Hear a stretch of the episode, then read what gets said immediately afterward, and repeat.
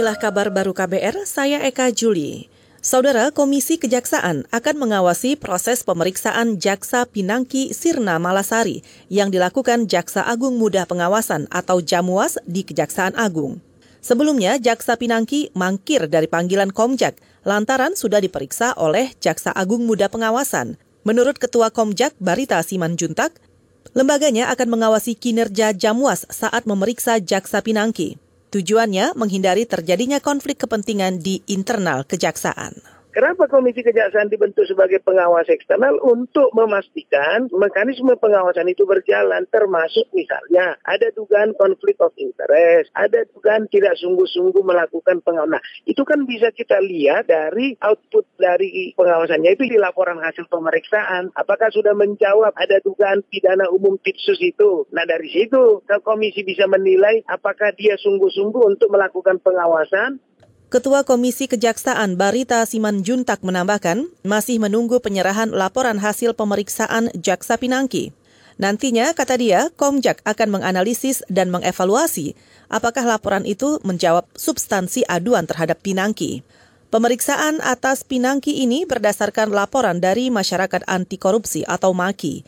Pinangki diduga melakukan pertemuan dengan terpidana korupsi pengalihan hak tagih Bank Bali Joko Chandra. Kita ke soal pilkada. Potensi aparatur sipil negara atau ASN tidak netral dalam pilkada cukup besar.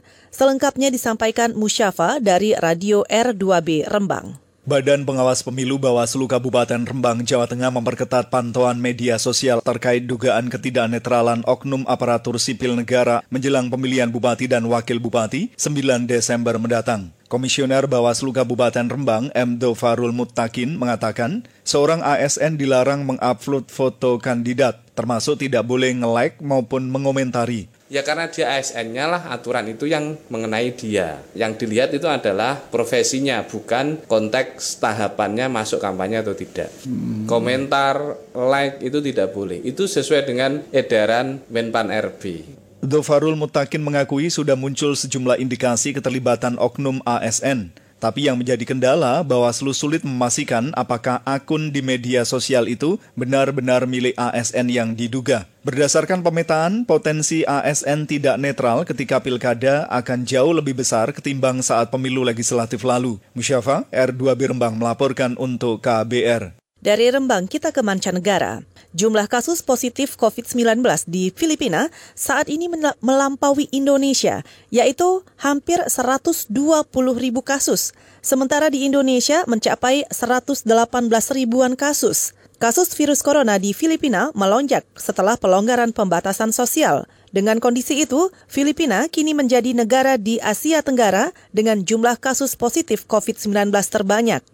Untuk kawasan Asia, jumlah kasus positif COVID di Filipina berada di urutan ketujuh. Presiden Filipina Rodrigo Duterte kembali menerapkan penguncian wilayah di ibu kota Manila untuk menahan penyebaran COVID. Saudara demikian kabar baru, saya Eka Juli.